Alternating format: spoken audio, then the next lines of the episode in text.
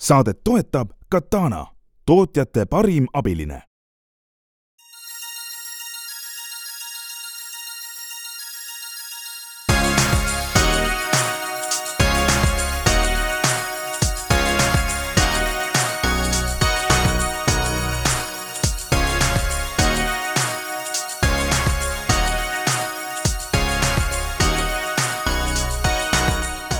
head Restardi kuulajad, on äh, kolmapäev ja nagu eelmiselgi nädalal läheb äh, tänase saatena eetrisse kuuendal juunil Eesti Interneti Sihtasutuse poolt korraldatud internetipäeval toimunud arutelu. küsimuse all oli see, kes, kus, kuidas, äh, miks ja kellega kujundab Euroopa Liidus kõiki neid IT-alaseid otsuseid, mis lõpuks puudutavad ka Eesti inimesi, Eesti firmasid ja Eesti elu üldisemalt, olgu see siis äh, küpsise teavitused brauserites, iPhone idele USB-C ühenduste kohustamine või äh, palju tõsisemad küsimused nagu näiteks äh, elektrooniline identiteet ja nii edasi.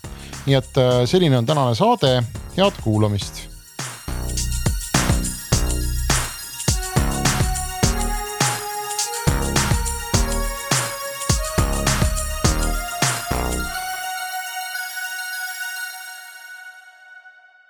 Euroopa Liidus on igasuguseid digialgatusi, eks ole, me räägime no ühest küljest võib-olla sellest, kas kõikidel maailma nutitelefonidel peaks olema ühesugune laadimisava ja teisest küljest me räägime sellest, et kui te lähete mõnele veebilehele, kas seal peaks lahti hüppama vähemalt kolm akent selle kohta, mida see veebileht tohib teha, kas te olete küpsistega nõus, kas te olete GDPR-iga nõus või ei ole ja, aga tegelikult suuremas plaanis me räägime ka sellest, et mismoodi üldse Euroopa Liidus see digivärk käib, eks ole, kes on kuhu ühendatud, kellel on mingisugune digiidentiteet või ei ole.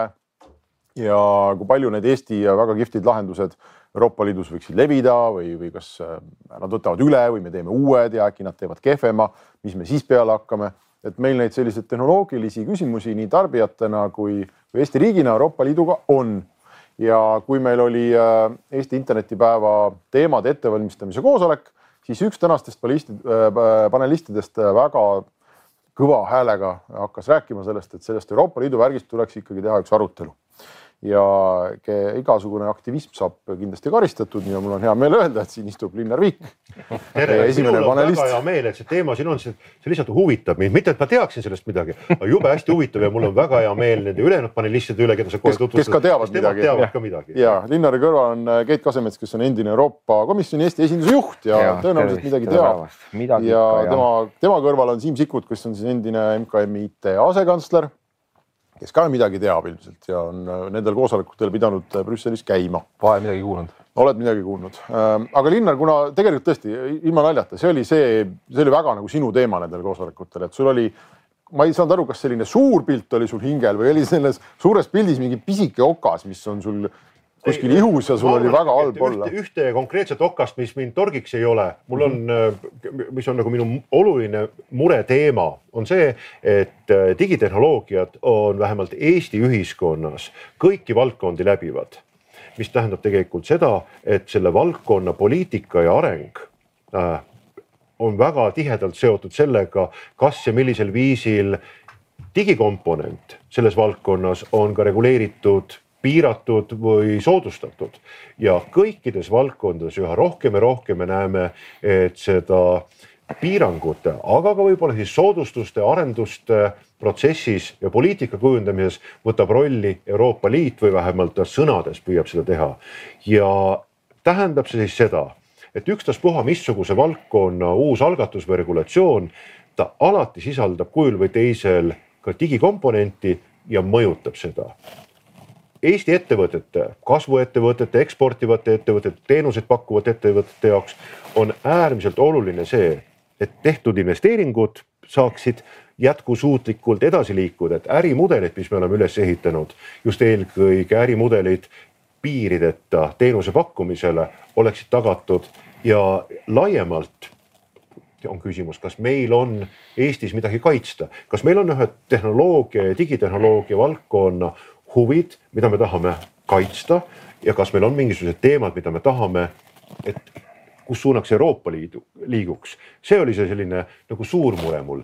mind väga ei häiri see, et ettevõtted valdavalt maailmas ei jälgi Euroopa Liidu direktiive ja, ja sätteid selle kohta, et need aknad peaksid mul lahti hüppama iga kord ekraanil ähm, mina saan enam-vähem hakkama selle, sellega ka praeguse regulatiivse raamistikuga. küll aga mul on mõned mured, mis puudutavad no sedasama näiteks algatust nimega üle-euroopaline digiidentiteet, mille kohta me ei tea mitte midagi kas ja millal ja mis viisil see tuleb, selle teemal toimub arutelu praegu hetkel, aga ikkagi ei, ei tea, kas me peaksime seda kartma, kas Eesti ID-kaart mm -hmm., noh, võib öelda, kas Eesti ID-kaart kaotab oma toimimise kehtivuse, kui tuleb üle Euroopa. see oleks, mõtle, milline õudusunenägu teoreetiliselt on siin istuda ja mõelda, et nii, et meil on Eestis, eks ole, ID-kaart, ma olen kakskümmend aastat sellega igasuguseid asju teinud, digiretseptid on, eks ole, valimas saab käia, digiallkirjad, kõik toimib, eks ole, kõik on enam-vähem turvaline, no väga midagi hullust ei ole olnud mm. -hmm. ja nüüd me istume siin ja mõtleme, et tegelikult praegu need äh, hispaanlased, sakslased ja prantslased peavad koosolekuid, et teha selle asemele mingi muu asi ja ma arvan, et keskmisel Eesti tehnoloogia inimesel tõusevad juuksed peast püsti. Õnneks siin on juba näed käed püsti, mina olen oma mure ja. ära rääkinud ja. ja nüüd on hea kuulata. ma võib-olla räägin nagu siis sel samal teemal lihtsalt siis kohe, et äh, siis Siim, kes praktikas selle juures veel rohkem oli, äh, siis täiendab, ega see see digiidentiteet ühtne, et see on ju olnud kogu aeg Eesti teema, et Eesti on ju seda ajanud kogu aeg, et Euroopa Liidus peaks olema.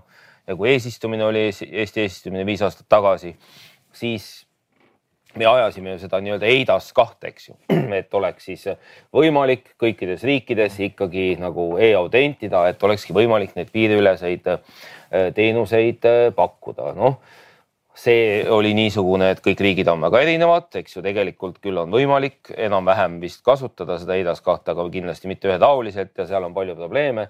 et sellega me ei ole rahul ja tegelikult see digiidentiteet on ju olnud noh, niisugune Eesti suur poliitiline prioriteet Euroopa Liidus ajada.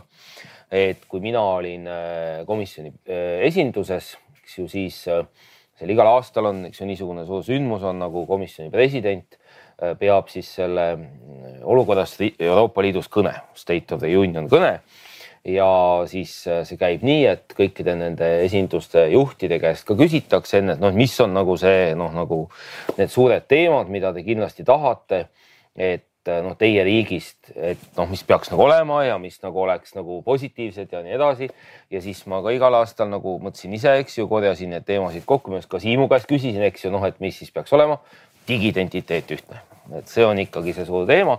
Ja siis me saime selle sinna sisse, eks ju, sellesse kõnesse ka. Ja muidugi ka sellel põhjusel, et ega Euroopa Liidus muidu midagi väga ei juhtu, kui ka sakslased ei ole nõus. Ja siis äh, see oli rohkem nagu Eesti administratsiooni suur töö siin ja, ja poliitikute töö, et veendada sakslased, et peaks olema see ühtne digiidentiteet ja kõik olid väga õnnelikud, et nüüd siis see digiidentiteet tuleb, aga noh, nagu mis on nende Euroopa Liidu protsesside puhul tuleb arvestada, et noh, me ei saa ju garanteerida, et ta tuleb täpselt sellel kujul, nagu meie tahame, noh, et me kõik mõtleme, noh, et tuleb selle nagu Eesti ID-kaart, et noh, kõigil teistel ka saab olema kahekümne kuues riigis see ID-kaart ja siis ongi ühtne digiidentiteet. aga paljud teised no, mõtlevad teistmoodi, eks ju, nüüd me olemegi olukorras, et see ühtne digiidentiteet võib tulla natukene teistmoodi, eks.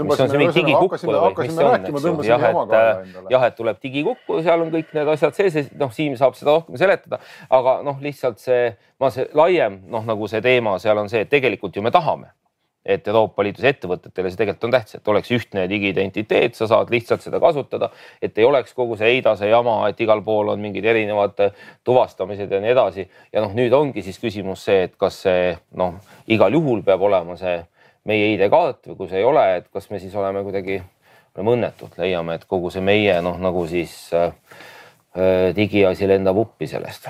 Erinevate tehnoloogiaalgatuste puhul on meile eeskujuks tihtilugu toodud Taanit, kes lisaks sellele, et ta püüab saada mingid laused kuskile tekstidesse sisse, ehitab üles selle kõrvale ka koalitsioonid ja tuleb välja tegelikult äh, ka enda huvisid kirjeldava ja teisi kaasava poliitika pakkumisega, mille taga on ka päriselt noh, töötavad inimesed ja institutsioonid, kes veavad seda nii-öelda poliitika huvi siis edasi. et, et see vahel mulle jäi just seesama mulje, et meil juhtub äkki niimoodi, et me saame selle lausekese, saame kuskil teksti sisse, aga siis ta hakkab oma elu elama ja kuidagi noh, nii-öelda me hiljem avastame seda alles, et midagi on juhtunud. nii, Siim, kuidas siis on, kas me hakkasime siin kraaksuma oma ID-kaardist, et teeme igale eurooplasele ID-kaardi ja nüüd meid ähvardab oht, et tehakse ID-kaardi laadne toode, mis on kõvasti kehvem kui see, mis meil on. heas või halvas ID-kaardi laadset toodet ilmselt Euroopast ei tule. et pigem, eks ole, räägitakse kukrutest nüüd on ju, kui nagu moesõnast. et aga siin on hästi mitu kihti korraga nagu koos, et lihtsalt võib-olla Keidile korraks nagu tagasi nagu ajalukku nagu minnes, et ega kust tekkis EIDAS ehk siis praeguse nagu määruse eelkäija tekkis ju sellest, et Andrus Ansip, peaminister, äh, võttis mhm. Taavi Kotkalt ja minult ja meilt kaasa multika, läks näitas seda ülemkogul. nii oli, ma mäletan. ja järsku tekkis see, et oi, aga peaks üleüldse nagu tegema hüppe edasi, see oli aasta kaks tuhat kaksteist, kolmteist, noh mälu järgi on ju. see multikas on siiamaani internetist leitav, et kes tahab näha, et äh, et kuidas paberivirn on Eiffeli kõrgune ja muud taolist. jutu mõte on see, aga juba sellest ajast peale, et noh, meil kunagi ei ole olnud illusiooni et noh, lausake kuskil ise tähendab, et nüüd kõik lähebki nii, nagu umbes Eesti tahab, eks ole. sest noh, tahame või ei taha Eesti on Euroopa Liidu kontekstis eripärane, vanasti võib-olla veidrik, tänaseks mitte enam veidrik, sest me oleme tõestanud, me suudame ka noh, eesistumisega ka muu läbi noh, ka sisu omada, aga noh, meie sageli oma praktikaga ja vaadetega oleme kuskil kaugemal ees. ma võin tuua sellest hästi mitmeid näiteid, noh, tehisintellekti, milles iganes nagu välja, mis tähendab seda et noh, Euroopa otsused alati on mingis mõttes kompromiss ja ma usun, noh, Keit võib siin veel pikemalt jällegi rääkida ja nii edasi, eks, kuidas need kompromissid sünnivad. aga ma tahan seda öelda, et see ei tähenda seda, et on minimaalne ühisnimetaja, ta on kompromiss, eks. ja kui me räägime EIDAS-e kontekstist, et siis noh, meil oli algusest peale selge, et ega see ei tähenda seda, et Eesti ID-kaart nüüd uuest EIDAS-est või sellest, mis praegu laual on, noh, mis, kus nagu Linnar alustas, et noh, ei ole selge, et oli selge, et ID-kaarti ei tule, eks aga tegelikult probleem, mida lahendada, on see, et kuidas ikkagi saaks päriselt üle Euroopa olla erinevad identiteedid koosvõimelised. mis on see mehhanism, õigusraam, muud selleks. eelmine EIDAS kaks tuhat kolmteist, neliteist seda juba üritas, noh, päris ei saanud hakkama, me nägime paljusid kohti, aga nagu sektorist nähti paljusid kohti, kuidas teha paremini, nüüd oli katse siis teha paremini kuidas see katse tekkis, jällegi tõesti, Eesti küsis lausekest, noh jah, et äh, ja kus ta nagu konks nagu taha, eesistumine aitas kaasa, Saksamaa liidukantsler Merkeliga tuli ka paati, onju, sealt hakkas pall veerema. Ja noh, nüüd tõesti on laual see, et mis siis sellest tegelikult lõpuks saab, ID-kaarti ei saa, aga noh, ma olen selles mõttes küll, et hästi nagu optimist, et ega ID-kaart ka ei kao. küsimus on, kuidas me lihtsalt saame oma identiteeti söödavana kasutada kõigi teistega. Ja serva märkus juurde, et ega me Eestis, ma usun, ka Eesti tänane valitsus või, või ametnikud ei arva, et ID-kaart on jääv tulevik. ka see peab edasi üks hetk liikuma, kas see on kukkur muud, eks näis. võib-olla lihtsalt seda ütleme siia täienduseks, et kas me peamegi ka aru saama ka, et need huvid Euroopa Liidus on nagu väga erinevad, et ka see meie majanduse struktuur ja IT-sektori struktuur on nagu ühesugune.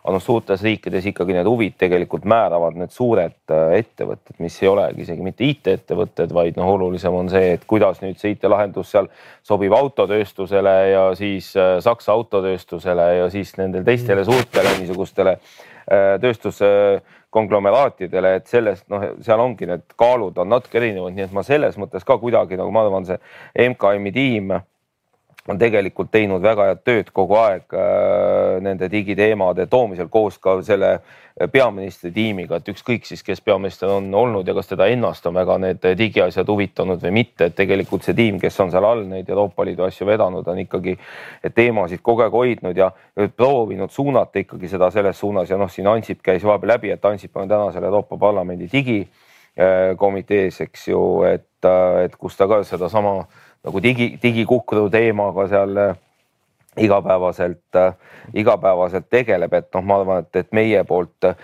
ikka tehakse nagu päris palju, lihtsalt ma arvan, siin on see mõtlemine tihtipeale nii erinev, et see tuleb nagu hoopis teistest vajadustest ja hoopis teisest kohast, mis seda ja teist, teistsugusest valmisolekust, eks ju, ja teistsugusest tunnetusest, et kas sul saab niisugune ID-kaardne, ID-kaardi laadne asi olla. Okay, no just üks lause vahele, et noh, täitsa jällegi nagu anekdootlikult või selline pool linnalegend, aga kaks tuhat kolmteist, neliteist kõige rohkem oli EIDAS esimese versiooni vastu äh, väidetavalt Lufthansa ja Deutsche Post. noh, ehk et ühesõnaga nagu ongi nagu traditsioonilised huvid, aga jah.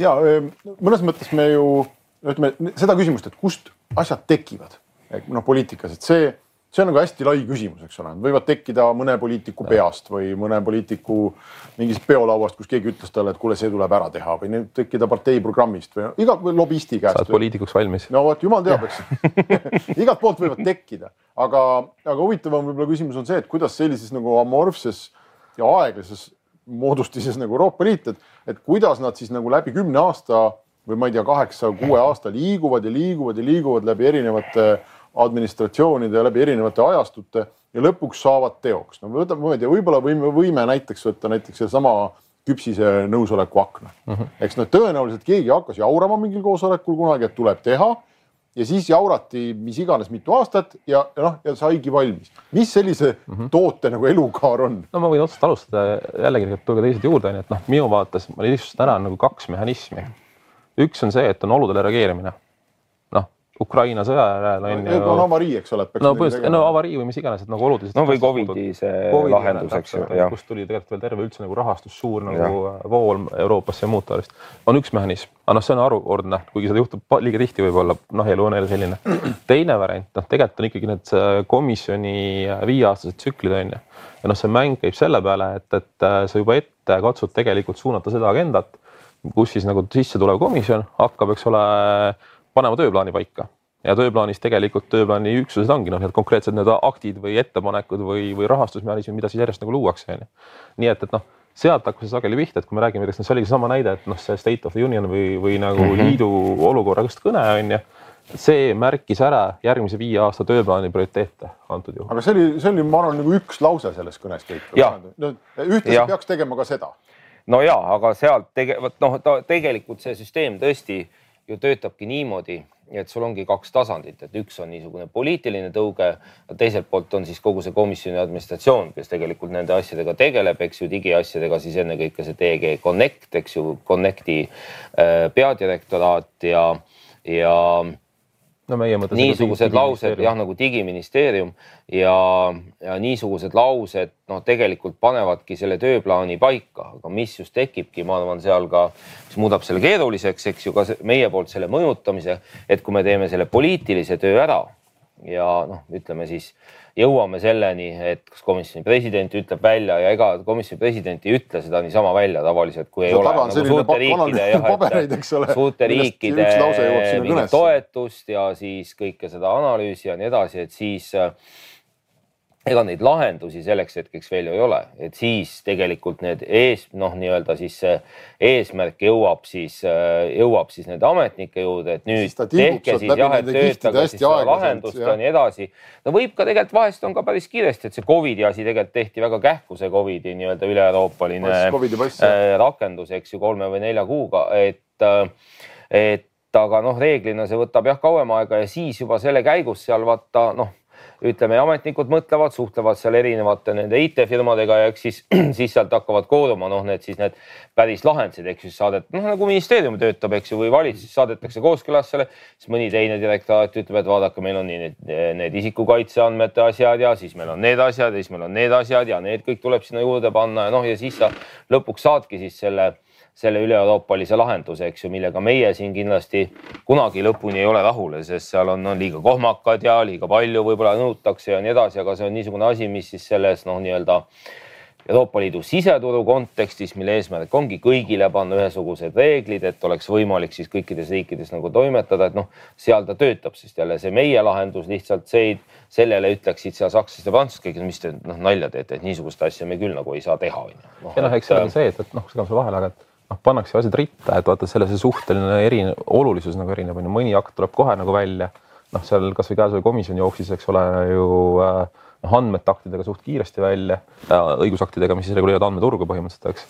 ja siis sinna järjepanu tulevad muud, kõike ei saa korraga, on ju, siis identiteet sattus kuskil järgmiseks näitena. et ähm, ja noh, eks seal on see pool ka, et ju kohe ju ainult ametnikkond ei tegele, lobistid tehnoloogiafirmad, teised firmad on ju nagu reageerija, hakkavad reageerima, et see on nagu hästi suurt paljude osapooltega mäng ja sellepärast kui ma jutuga tüürida, ongi see, et, et noh, tuleb hästi või noh, ütleme ka mina MKM-i osas vaatasin, et peame hästi realistid olema, mis on see võitlus, mida võidelda. lauale tuleb akte, asju, võitlusi rohkem, kui me suudame ära manageerida põhimõtteliselt on ju. me peame alati suutma valida mis neist on kõige olulisem, kas defensiivselt, noh nagu Linnar viitas ka, et noh, meie enda elu ei peaks tagasi keerama, on ju, või meie ettevõtete nagu võimalusi tagasi keerama. või siis, mida me ajame taga selleks, et Euroopat nagu tervikuna muuta, on ju. ja noh, viimane eeldab veel pikemat pinki, nii et. aga pink on meil noh, nagu, kuidas sina tundsid seda, seda, seda pinki, et oli sul sparringupartner, sest mina pean silmas praegu hetkel, kui me oleme teemaks võtnud äh, ühe vertikaali, mis puudutab mm -hmm. noh, nagu nii-öelda infoühiskonna alustehnoloogiat mm -hmm., digiidentiteeti näiteks, siis meil on need mõjusid kõikvõimalikes sektoris, transport, logistika, iga nii-öelda direktoraat mm -hmm. suudab tulla välja protsessi ja algatusega, mille suhtes ma veel kord väidan, on alati olemas ka digikomponent ehk kas hea küsimus, et mm -hmm. kas Eestis on olemas maaeluministeeriumis või keskkonnaministeeriumis või välisministeeriumis, noh, selline nii-öelda võimekus aru saada sellest, et ta võib midagi nässu keerata. maaelu või, või keskkonna valdkonnas asju, mida, mida meie juba peame normaalseks ja nüüd tuleb miski, mis tähendab seda, et noh, a la, kui me oleme hea näide, mingi Eesti ettevõte, Capaceta teeb praegusel hetkel äh, satelliidipildi järgi niidutoetust äh, analüüsi. kui see osutub illegaalseks lähenemiseks ehk kaugandmete kaudu mingisuguse analüüsi tegemise ja Euroopa Liidu toetuste väljamaksmise, siis on meil jama käes. küll natuke ka hea vaidluse mõttes nagu oponeerin sulle, et noh, mina ütleks, et probleem on teises kohas või nagu teistpidine, et nendes muudes kõikvõimalikes nagu aktides pigem digimomenti pole, kus ta peaks olema ehk et mitte ei ole nässu keelatud, pigem on võimalused kasutamata. miks ma seda väidan, noh, ühelt poolt on jah, nagu selline nagu praktiline noh, nagu kogemus on ju, teiselt poolt nagu eriti tugevalt näitas seda meie eesistumine. Eesti eesistumise alguses me võtsime ju üle kogu platsi kõik mm -hmm. laual olnud äh, noh, või kõikvõimalikud algatused, millega Eesti pidi ühes või teises ministeeriumis nagu tegelema, on ju, lahti, et kus on, mis diginurk sees, mida annab juurde panna, on ju. marginaalselt oli. et ühesõnaga, et noh, ma tahan nagu öelda, et, et selles mõttes, et ohukoht on olemas, nässu saab keerata, täna pigem probleem on teises kohas tegelikult, aga, aga see praegu selleks. mina muidugi linna siin selles mõttes olen äh, rohkem nagu sinu paadis või ka skeptilisem nagu, et äh, minu arust Eestis isegi meil täna äh, isegi siseriiklike teemade lahendamisel tegelikult me ei mõtle nagu sellele digikomponendile nagu piisavalt, et kui sa võtad kasvõi needsamad energiatoetused või, või võtad selle Covidi teema või ükskõik, et need viimased, viimased näited minu arvates pigem ütlevad seda, et me isegi sisemiste teemade puhul tegelikult piisavalt ei ole MKM-ile andnud või Majandus-Kommunikatsiooniministeeriumi digiinimestele siis kas seda ressurssi või tööriistasid või ehitanud seda teadmist, et, et, et noh, meil peaks ka seal palju kesksemalt seda valdkonda juhtima ja suunama ja alati, kui kuskil mingi otsus tehakse, siis küsita, vaadatakse ka selle diginurga alt neid asju, nii et ma arvan, et noh, Euroopa kontekstis on seda on seda nagu veel vähem, et see pigem võib-olla tuleb siis, kui mõni teine riik kuskilt, eks ju, ajab mingisuguse probleemi püsti, kellel on seal rohkem võimekust, et siis me hakkame ka vaatama, et oi-oi-oi, et äkki siin tõesti on ja siis, kui sa hakkad vaatama, siis leiad veel igasuguseid asju võib-olla, mis seal ei ole nagu äh, mõistlikud. Ja minu arust see on üldse täna üks kõige suuremaid meie nagu kogu selle digipoliitika juhtimise nõrkusi, et, äh, et meil võib-olla see otseselt nagu need inimesed, kes otseselt digiga tegelevad on, on tublid ja, aga sihukest laiemat lähenemist tükk aega minu arvates meil juba ei ole, et võib-olla ma olen liiga kriitiline, aga see on see, mis. no kas lähenemist, aga ütleme nagu pigem nagu silmavaarete oskust on ju, noh, see on nagu see. ja ega siis eesistumise puhul ju samamoodi, eks ju, et no miks neid asju ei olnud, seal oligi lihtsalt seepärast, et noh, keegi ei leidnud neid selles mõttes, et ega neid sinna oleks võinud tekitada ikkagi mm. suure hulga, ma ise ju ka tegelesin selle ettevalmistusega, noh, et et see on ka, et ega kuskilt ju seda digivaldkonda ka niimoodi keskselt ei juhita Euroopa Liidus, et mhm. lõpuks on sul ikka mingi digiõigus ja digipõllumajandus ja digi ikkagi kõik on nad, kõik on nad eraldi, et sellel hetkel ma arvan lihtsalt ka nendel ministeeriumitel ei olnud äh, ja endal võimekus selles kontekstis mõelda ja kuna sellel meil oli niigi palju neid suuri digiasju, mida me tahtsime ajada, eks ju, siis noh, oleks, see olekski olnud Otseselt nagu noh, ei olekski, lihtsalt me ei oleks jõudnud tegelikult Aga minna veel igale poole. tegelikult täiesti vapustav võimalus äh,. nimelt olukorras, kus kohas tuleb välja kõikvõimalikke seadusandlikke uuendusi mm. äh, ja need äh, ei ole digivaldkonnas läbi mõeldud ja need tuleb nagu ellu viia, siis selle kõrval on üks teine asi, inimesed on kõik internetis, igas Euroopa riigis.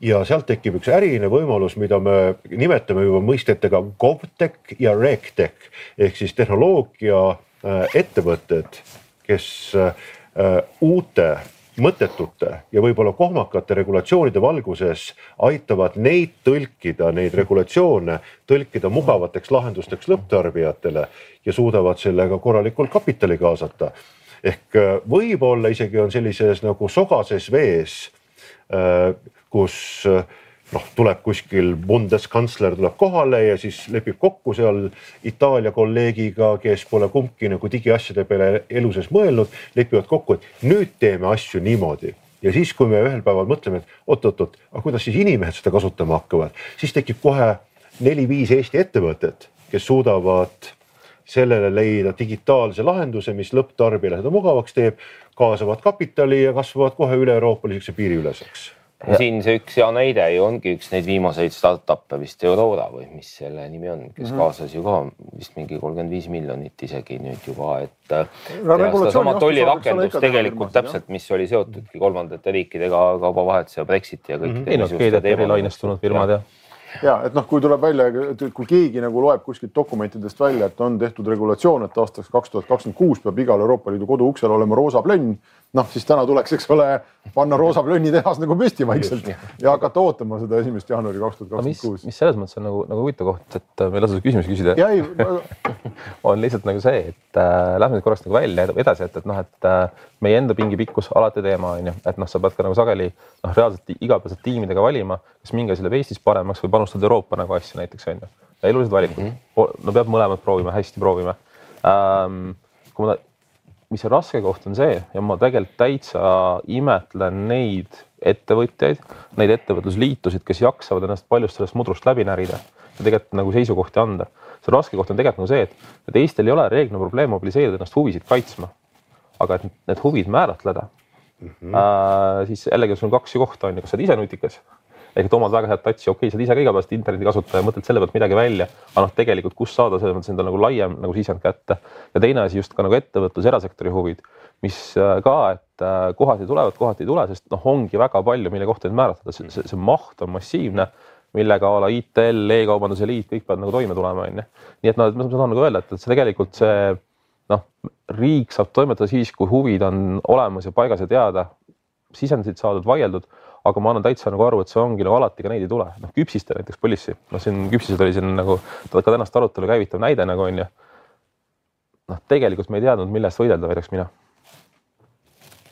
äh, tuleme nende küpsiste juurde. mul on siin äh, väga sellest teema tutvustuses on üks väga hea lause või küsimus, ma loen selle ette. kuidas üldisemalt hoida ära kaheldavad ideid Euroopa Liidus digivallas?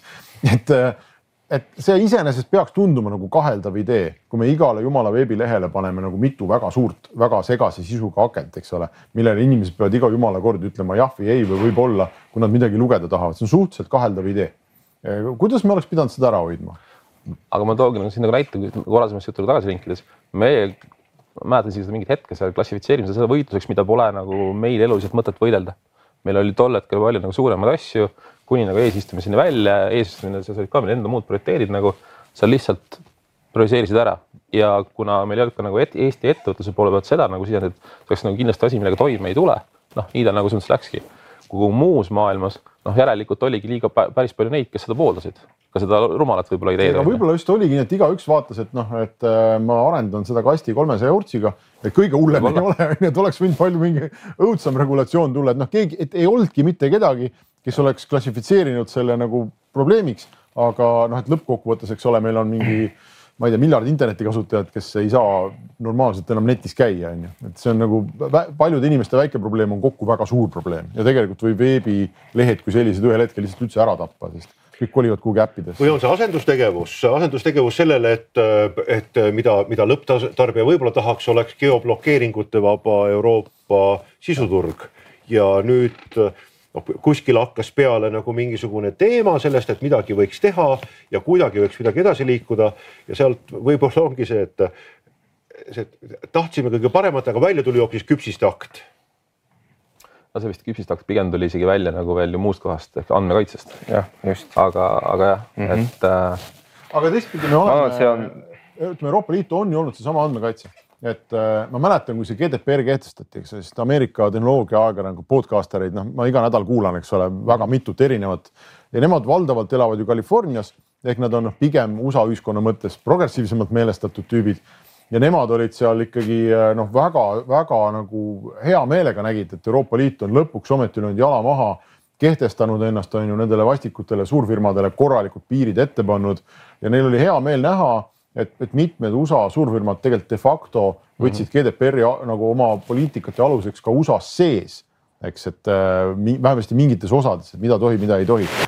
et kas me seda nagu täna, kui me hindame kogu seda GDPR-i teemat ja me näeme, et Euroopa Liit on olnud maailmas noh, täiesti pioneer, aga kas see on nüüd siis nagu õnnestunud digipoliitika või ebaõnnestunud? no see algas ju tegelikult äh, isegi tõesti juba päris tükk aega tagasi ja mitte isegi ainult nagu digivaldkonnast, et see on olnud hästi oluline teema äh, kogu aeg Euroopa Liidus ja see oli, ütleme enne Eesti eesistumist juba selgelt olemas, et äh, mäletame ka hästi seda, kui Taavi Kotkaga siis, kes oli siis, eks ju, see Siimu kohal, eks ju, hakkasime rääkima, et see andmete vaba liikumine, noh, et andmed on ikka iga inimese omad, eks ju, ja sa pead käima ja siis käisime seal komisjonis seda rääkimas, eks ju, ja komisjonis, mis, mis nojah, et aga meil ongi ju nii, noh, et meil on ju see isikuandmete kaitse direktiiv, eks ju, ja see ütlebki seda. aga nüüd küsimus oli siis selles, et noh, et mis see siis päriselt tähendab, kuidas seda rakendada, mis see nagu tähendab selles digimaailmas ja noh, ma arvan, siin see siin see küsimus ongi selles rakendamises, et kindlasti Euroopa Liidus pööratakse kõige rohkem tähelepanu, kui sa üldse vaatad erinevaid, erinevaid niisuguseid suuri ähm, riike või majandusblokke kindlasti sellele isikuandmete kaitsele. aga noh, eks seal tuleb ka leida kuskil see tasakaal, et sa ei saa minna ka sellega noh, nagu liiga ütleme kaugele, et ma arvan, et see, mida tuleb järgida millele tähelepanu pöörata, et me nüüd noh, nagu jälle liiga palju ei hakkaks nõudma, aga muidu kindlasti kahtlemata see on äh, on nagu ähm, hea poliitika ja noh, ma ka selle andmete vaba liikumise ja selle, ütleme, andmete, inimeste enda andmete kasutamise ja ka selle, selle siis see nurgakivi tegelikult ka lõpuks siis, kuidas see siis tehti ka Eesti initsiatiivil kogu see andmete vaba liikumine, et selle nurgakiviks oli ikkagi juba see olemasolev andmete või siis isikuandmete kaitse mm, isikuandmete kaitse direktiiv, eks ju. üldmäärus. Ja üldmäärus jah, jah. aga seda tänast arutelu siin kuulates, et see, seesama Linnari küsimus, et kust need tekivad, need Euroopa Liidu ideed on ju, et kus, kus me saaksime käpa vahele ja kuidas me saaks teha nii, et nad ei ole nagu väga nõmedad. Ja et, et meid ometi keegi kuulaks, et siis on ainuke variant ikkagi tundub olevat selline tuim füüsiline tööjõud lihtsalt, inimesed no,, kes loevad Vaata, ja käivad kohal ja muudkui seletavad. see on veel valem tegelikult selles mõttes, et kõik õigusaktid esitab Euroopa Komisjon. Ja siis nad jõuavad nii-öelda liikmesriikide lauale siis hakkab nendega töö, siis toimuvad nagu töögrupid, kõigepealt seal käivad ametnikud, eks ju, siis on äh, saadikute tase, kui jõuavad niisugused suuremad teemad, noh, oleks see küpsiste teema. jah, et jah, vahel ka eksperdid, eks, et oleks see küpsiste teema olnud meile mingi suur teema, siis oleks ütleme, Majandus-Kommunikatsiooniministeerium teinud saadikule, eks ju, juhise, et nüüd selle küpsiste asjale ole vastu või noh, et vähemalt niisugusel kujul ei saa, et hakka ehitama mingit koalitsiooni, et leia vähemalt see blokeeriv vähemus, et seda, seda küpsiste asja, äh, küpsiste asja ei tuleks, eks ju ja, ja siis lõpuks on see poliitiline tase aga siis et, sellel äh, suursaadikul on valida, et kas ta kulutab oma tunnid torihobuste või küpsiste no,, torihobuste eest või küpsiste vastu võitlemisele. ta tegeleb väga paljude ja. erinevate asjadega ja kuhu ma tegelikult tahtsin jõuda oma pika jutuga on see, et, äh, et mis on suuremad riigid, mida suudavad palju rohkem teha kui meie, on see, et sa tegelikult pead mõjutama seda õigusakti enne seda, kui ta üldse komisjonist tuleb välja sinna liikmesriikide ette, sest seal ju tegelikult seal komisjoni sees äh, lepitakse ju kokku see põhimõtteline lähenemine, eks ju, niisugused lahenduse piirjooned ja nii edasi ja siis juba hakatakse sealt erinevaid nurki maha lihvima ja nii edasi, aga noh, reaalselt ikkagi see lahendus on juba väljas ja see käib ainult läbi seal ütleme niisuguste isiklike kontaktide ja, ja Puhas ütleme, et sa paned tõesti lobi ja sa paned sinna nagu tõesti ressurssi ja seda me tõesti suudame teha ikkagi väga väheste Eh, asjade puhul, noh, ma kujutan ette, see digiidentiteet võiks olla üks niisugune asi, kus me peaks ja saaks seda nagu no. teha, eks ju, sest meile see on tõesti oluline. noh, näitenäiteks kasutades tegelikult isegi oleme ju proovinud, et äh, mõlema IDAS-e puhul Rii on selle hellal lahkel toel äh,. on olnud Eesti tiimi liige, komisjoni tiimi osa, saab saata riiklikke eksperte, ühesõnaga noh, abistama nagu asjade väljatöötamist ühel juhul töötas nagu hästi, sest et noh, ütleme nagu üle, nagu teistel oli palju vähem huvisid, kuulati nagu rohkem, viimasel juhul on see natuke nagu raskem olnud näitena onju. aga noh, mis iganes, proovima peab. noh, kui ma tahaksin jällegi jutuga jõuda, lihtsalt ongi see koht, et noh, laias pildis on ju kaks või kolm nagu äh, varianti vastata sinu küsimusele. esimene variant, kuidas defineerida agendat, on see, et jah, et ütleme nagu paku enda oma, eks, ja ajad seda taga ja just nimelt, et sa lood ühe lause pealt tegelikult läbi kogu selle protsessi, mis vahel on tõesti paar aastat, on ju. noh, nagu hambad ristis vaatama, et see nagu läheks, on ju, või lobistama, sõltub, kui üksi oled, eks. et äh, teisel juhul tuleb võib-olla aidata mõtestada mujalt kerkinud ideed. miks Kaja Kallas liitus ähm, Angela Merkeli kirjaga selle kohta, et äh, mis on digitaalne suveräänsus? see kiri ise ka, kes küsimus, kuidas meil oleme järsku Saksamaa, Eesti ühes kohas, see oli väike katse Saksa mõtlemist defineerida suunas, mis ka meile sobiks mm. -hmm. me ei saa väärata suunda, me ei saa väärata isegi nagu isegi ükskõik, kas nagu me usume digitaalse suveräänsuse ideesse või mitte, me saame seda sisustada aidata ja noh, kolmas asi muidugi võimalik võidelda, noh, kui midagi tõesti nagu väga nagu defensiivselt on vaja minna, et äh, noh, siis on see, et siis on tõesti vaja koalitsioone luua, muud taolist, sest ainult itaallase ja bundeskantsleri kokkuleppest ei piisa, aga noh, ütleme tõesti, et kui nagu kõik on nagu ühelt poolt, siis kogu Euroopa muutumine vajab koalitsioone mina mõtlesin praegu selle nagu, kust tekivad asjade üle niimoodi, et äh, ei äh, ja mul tuleb hästi meelde, mul, mul oli unikaalne võimalus elus olla just sel ajal MIT-s, kui Bill Clinton tegi oma lahkumiskõne. Ja ametist lahkudes ütles ta seda, et vot teie siin MIT-s, teie loote tulevikku, mis kümne aasta pärast jõuab tehnoloogiaettevõtete praktikasse. Ja siis umbes kümme aastat pärast seda jõuab see teema ka kongressi ja, ja ta ütles, et noh, teie ja kongressi vahel on vähemalt kakskümmend aastat akadeemilises mõttes tähendab see vähemalt kahte-kolme akadeemilist põlvkonda. tehnoloogia mõttes tähendab samuti umbes nelja-viite tehnoloogia põlvkonda. ja noh, tema üleskutse või hüüe oli see, oli lähtuda nii-öelda printsiipide, põhimõtete põhisest mm -hmm. tehnoloogia disainist või noh, nii-öelda teadustehnoloogilisest disainist, mille sisse oleks juba koheselt noh, nii-öelda ära vastatud olulisemad küsimused, mis kunagi tekivad võib-olla kongressis ehk nii-öelda disainida tehnoloogiat praegusel hetkel sellisel viisil, mis juba sisaldaks võimalikke vastuseid küsimustele, mis kunagi tulevikus tekib, kui poliitikule lõpuks hakkab mingisugune väikene täpp kuskil radariekraanil hakkab blinkima mm. -hmm. keegi õhtusöögi ajal ütleb talle, kuule, mu lapsel oli see probleem, et äkki peaks nagu selle teemaga tegelema. aga mu väide on praegu hetkel selline interneti tuleviku ja tehnoloogia kujundajad on suured tehnoloogiaettevõtted. suured tehnoloogiaettevõtted teevad omavahel ka tihtilugu kokkuleppeid, olgu selleks mingid standardid.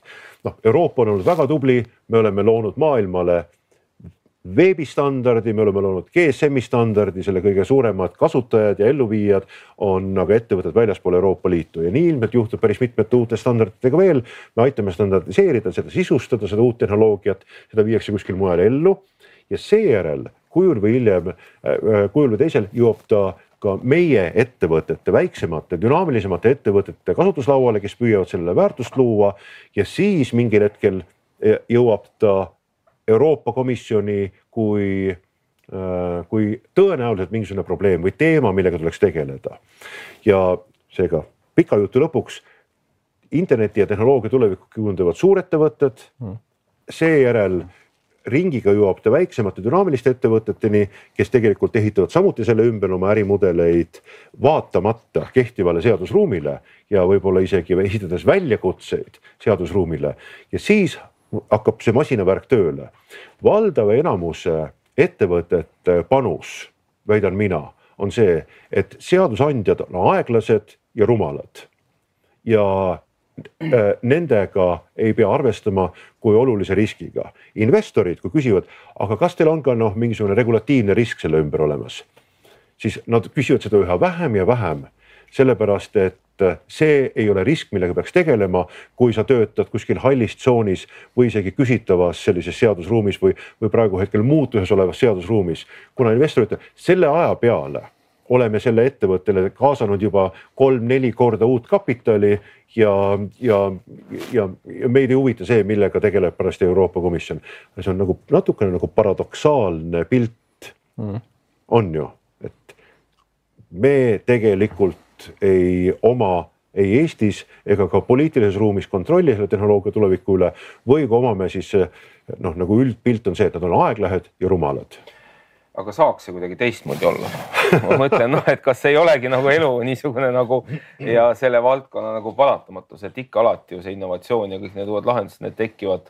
Ja palju varem ja probleem on seal et tema ulatus on ja, tänapäeval hoopis kiirem, kui sul mingisugusel hetkel oli innovatsioon see, et me panime nagu kaks hobust panime vankri ette ja oli hoopis kaks hobujõudu sul korraga, siis äh, see Mhm. oli nagu tükk aega konkurentsieelis mingisuguses piirkonnas võib-olla sajandi pärast levis ta kuskile kaugemale, siis praegu hetkel on nagu üks nipp, üks mingisugune kiip naha alla, üks mingi Neuralingi äh, aplikatsioon, mingi uus implantaat äh, ja mm -hmm. uus rakendus, uus Tinder ja sul on korraga maailm muutunud ja korraga hakkab keegi mõtlema oot,, oot-oot-oot, kuidas ikkagi selliste nagu Tinderite või mingite Whatsappide või mingite muude asjadega nagu äkki peaks nagu Tinderi seaduse vastu võtma, et äkki peaks nagu aga see lõpuks läheb niimoodi, USA-s on äh, videomänge on äh, kongressi tasemel registreeritud minu meelest tänaseks kolm raksu, kui mitte rohkem, ehk igal kümnendil on tekkinud moraalne paanika ja igal kümnendil on siis on ju püütud seda nagu no minu lahendada. arvates see probleem, mis ma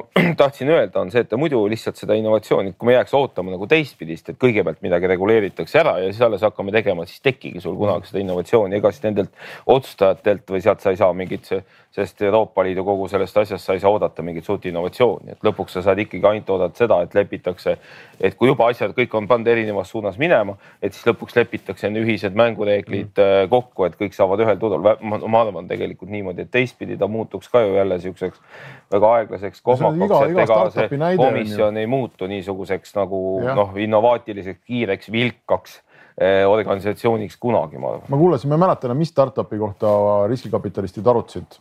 oli ka mingi paneel või saade, eks ole, siis äh, arutati tema tulevikuvõimaluste üle ja siis väga kiiresti lepiti kokku, et äh, tegelikult peamine küsimus on see, kas nad suudavad saada piisavalt suureks enne, kui peab hakkama tegelema regulatsiooniga, eks, et siis on nagu regulaatoritel on noh, lihtsalt de facto olukord, et ma ei tea, et noh, et aga kõik sõidavad nende tõuksidega kiirusemäng. noh, ja et me ei saa nagu, et ta, ta on juba nii suur, et kui me nüüd läheks inimestelt neid ära võtma, siis tõuseks noh, suur kisa, me ei saa hääli, eks ole, on probleem. et, et sa pead enne saama nii suureks, et noh, et sa oled nii suur probleem, et noh, sind peab kuidagi nagu lahendama. aga kui sa lihtsalt kõik nüüd kihata natuke ikkagi nagu siin positiivsesse võtmesse, et siis. me olemegi väga positiivsed. ja ei, ma ma noh, nii-öelda ka, et, et, et noh, Eestil on ebaproportsionaalselt suur võimalus mõjutada tegelikult otsuseid digivaldkonnas ja võimalusega ütleme teiste valdkonna digikomponentide üle. kuhu see nagu jääb, on, ma arvan, nagu ongi tegelikult hästi praktiline, noh ikkagi tegelikult nagu jõud. Kõik ma ka nagu ma olen selles teemas hästi subjektiivne oma endise ameti tõttu, aga lihtsalt ongi, et noh, väga, et nagu pink on täpselt nii pikk, nagu ta on. võtame paku, paku, kas see võiks olla nagu mingisugune, ma ei tea, digipoliitika, ma ei tea, osakond kuskil või mingisugune. mina arvan, Linnar, et see on seesama, tead mis, iga aasta on sellel internetipäeval otsitud tikutulega taga nähtust nimega Eesti internetikasutajate kogukond tegelikult kogu see üritus on ka olemas selleks, et, et kultiveerida, me istume siin selleks, et et tekitada Eestis mingisugust kogukonda ja see ei pea olema ministeerium või amet, eks ole.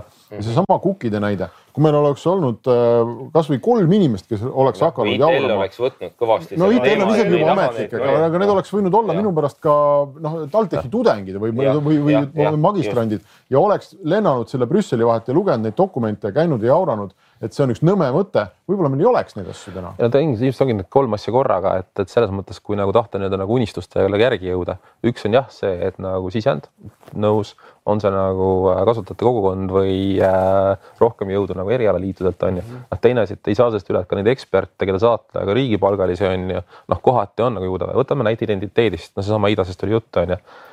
viimase kolme aastaga me oleme põhiliselt nagu nina verest väljas hoidnud Eesti asju üleval noh, selle tiimiga, mis nagu Riias ja mujal nagu on olnud, onju. et noh, neid nagu veel panna nagu Euroopas rik- ikkesse, noh isegi juba olid jamad tegelikult majas on ju siin hangete ja muudega. et noh, et, et see on nagu see pingi pikkus, eks ole.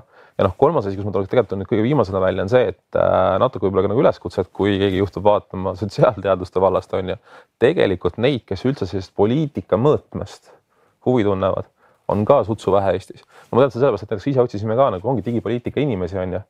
no tehnolooge täna leida raskelt kuumal turul on lihtsam kui poliitika inimest, kes päriselt viitsib, tahab, oskab väga onju. huvitav mõttekäik tegelikult, et kas Tallinna Ülikoolis, Tartu Ülikoolis peaks olema eraldi õppekava, mis tegeleb just mitte lihtsalt politoloogiaga, vaid ole see digipoliitikaga. sotsioloog, ole see politoloog, ole see mis tahes nagu muud asjad. Spetsialiseerub. spetsialiseerunud digile, see on väga hea mõte, jah.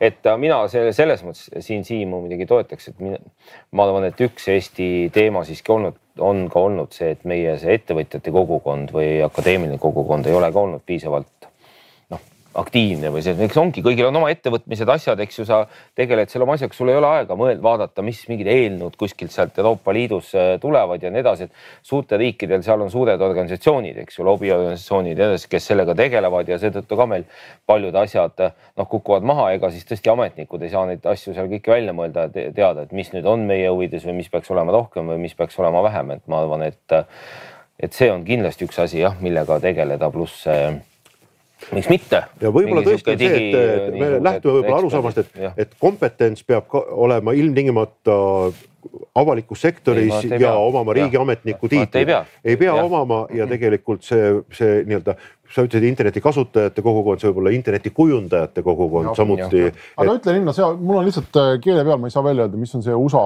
see interneti kasutajate õiguste eest seisev tohutu suur organisatsioon äh, no vot, kõik, kõik teavad, noh. Society Federation, tal on mitu tükki isegi. ja ei, see on mingi üks ja suur ja põhiline, kes kogu aeg äh, võitleb seal. korjab raha kokku ja käib kohtus ja mille ja, sponsor ma olen olnud vist viimased viisteist aastat no, näed, ja mille meil on ja, samasugune ajuplokk on Liineriga, istume siin just, et seesama, vot, vot seda vot seda oleks Eestisse vaja, onju. ja me ühiskonnana, ma arvan, et saaksime kasu sellest, kui me peaksime ei, no, sellist organisatsiooni. seal kõrval selles mõttes, kui me räägime nagu maailmataseme regulatsioonist, kasvõi nagu äh, V3 konsortsiumid on ja kõike muud talist on samamoodi mm -hmm. noh, et neid, neid, neid nagu kohti IFF, on. Internet Freedom Foundation. jah ja. mm. -hmm. et, äh, et mudeleid on mitu, mida nagu proovida rakendada mm. ja mina arvan ka, et see tegelikult töötab isegi paremini, et kui see surve või noh, nagu need mõtted ka tulevad väljaspoolt, et kas ettevõtetelt mingilt, mingitelt organisatsioonidelt ja nii edasi, et seal ametnikuna seal laua taga sa saad ainult teha kuskile maale nagu mm. minna, et, äh, et, äh, et siin on tõesti noh, ütleme see koostöö on põhiline ja ma, me, eks me peame vist seda ka endale ikkagi teadvustama, et Siim teab seda paremini, et äh, kuidagi vanasti see äh, ilusatel headel aegadel siidekaart oli hästi niisugune moodne lahend, me olime nagu väga eesrindlikud ja nii edasi. täna kogu siis selle küberturvalisuse ja, ja ütleme, selle tehnoloogia arenguga ka on see valdkond, kogu see digi ja IT valdkond ikkagi just avalikus sektoris muutunud ka niisuguseks, et see on ikkagi väga raha mahukas ka ja nõuab ikkagi väga suuri investeeringuid ja pigem siin noh, selle arenguga me nii hästi ei ole mm. suutnud kaasas käia, et tegelikult valitsus äh, kindlasti noh, vaata kõike, kõik ütlevad, kõike tuleks rohkem rahastada, eks ju, aga ma arvan, et ka see digivaldkond on üks, üks niisuguseid, kus tegelikult tuleks panna ka seda kõik avaliku sektori raha tegelikult rohkem. noh, kõik need aastad on seal laual olnud. infrastruktuuri. kui me nüüd teeksime selle kogukonna siin tohutult ära ja Eestis suurettevõtted isetult annaks sinna isegi raha ja ei tahaks võib-olla väga seda poliitikat kujundada ja kirjutaks projekte ja kõike, kas me saaksime sinna laua taha, sinna, kus Keit ütles, et enne komisjoni või isegi pärast komisjoni? muidugi saame ja digis on ikkagi meie renomee on nii kõva, et ega selles mõttes meilt oodatakse, kogu aeg küsitakse, mis te arvate. et kas me saame ka Eestis, kujutame ette, et meil on selline kogukond olemas, kus sul on nagu noh kaks ülikooli on seal kaasatud või kolm ülikooli on kaasatud ja seal on mõttekojad kaasas ja siis on nagu inimesed, kes nagu päriselt ütleme noh, neli inimest on täiskohaga nagu päriselt tööl, kuskil on nagu raha kokku korjatud ja siis nad tulevad välja, ütlevad vot, et neil on nagu meil on analüüsitud maaelus valdkonnas mm, -hmm. turismi valdkonnas, transpordi logistika valdkonnas, toiduainetööstuse valdkonnas, noh sellistes algatustes, sellistes initsiatiivides Eesti võiks omada sellist nii-öelda poliitika perspektiivi, millele me toome oma nagu digikomponendi juurde et noh, et kuida-, kuida-, kuhu see edasi peaks minema? Mina... kas see on nagu välisministeerium või kas see on valdkonnaministeerium, kas on MKM, kas meil on nagu. otse Brüsselisse tähitab. uue eesistumine ei olegi nii palju, enam kümme aastat. kellele helistada, kui me tahame nagu Euroopaga rääkida?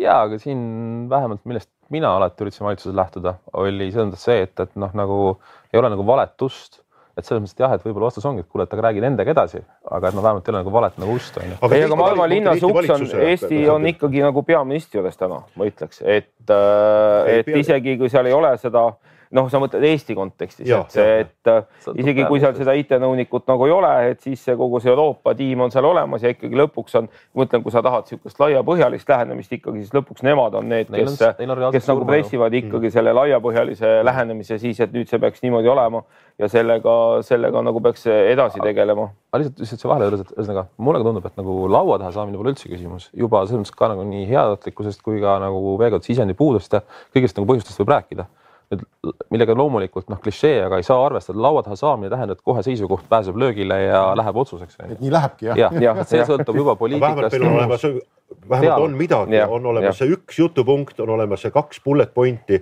mis kirjeldaksid seda, et mis siis, kui. ja on mingid usaldusväärsed kõneisikud siis, kelle Mhm. poole saab nagu pöörduda, kes võib-olla on ka sellest ametnike ringist väljaspool, eks ju, kes ütleb, nüüd sina lähed sellele üritusele, lähed räägid seal, eks ju, kuidas täpselt seda, seda teha. aga Keidu tähelepanekule äh, ei, peaministril ei ole IT-nõunikku. Jah. aprillist alates ei ole meil ka seda nii-öelda kõrgemat poliitika kogukonda, mis oli olemas peaministri juures e-Eesti nõukogu. ma lihtsalt tahtsin seda öelda, et isegi kui neid ei ole, et siis noh, ega ikkagi lõpuks on ikkagi see Riigikantselei see koht, kus on siis see Euroopa Liidu sekretäriaat Ja ja kus on- on need Euroopa Liidu asjadega tegelevad inimesed, et see on ainuke noh, niisugune mm. äh, niisugune siis noh Ei no võtame grupp, näite. eks ju, või osakond, kes ikkagi nemad kujundavad seda, vaata on niisugune asi olemas nagu Euroopa Liidu poliitika mm, -hmm. niisugune dokument, eks ju, eks nemad ju tegelikult seda Euroopa Liidu poliitika dokumenti teevad, eks ju, kui seda iga, iga paari aasta tagant uuendatakse, eks see on see koht, kuhu sa lõpuks pead need asjad nagu kirjutama ja siis sealt nad järjest jõuavad, siis kui on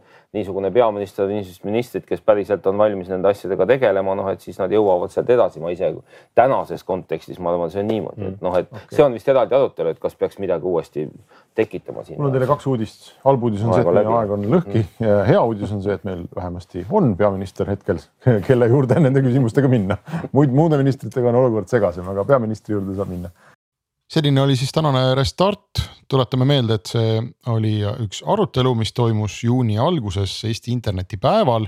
Neid arutelusid oli kokku kolm ja kes soovib neid kõiki kuulata või vaadata, siis võib lahkesti minna internetileheküljele päev.internet.ee ja kogu täpsem info, kaasa arvatud salvestused, on seal saadaval Restardi tavapärased saated jätkuvad aga juba järgmisel nädalal, kui meil on külaliseks järjekordne uus idufirma, nii et kuulmiseni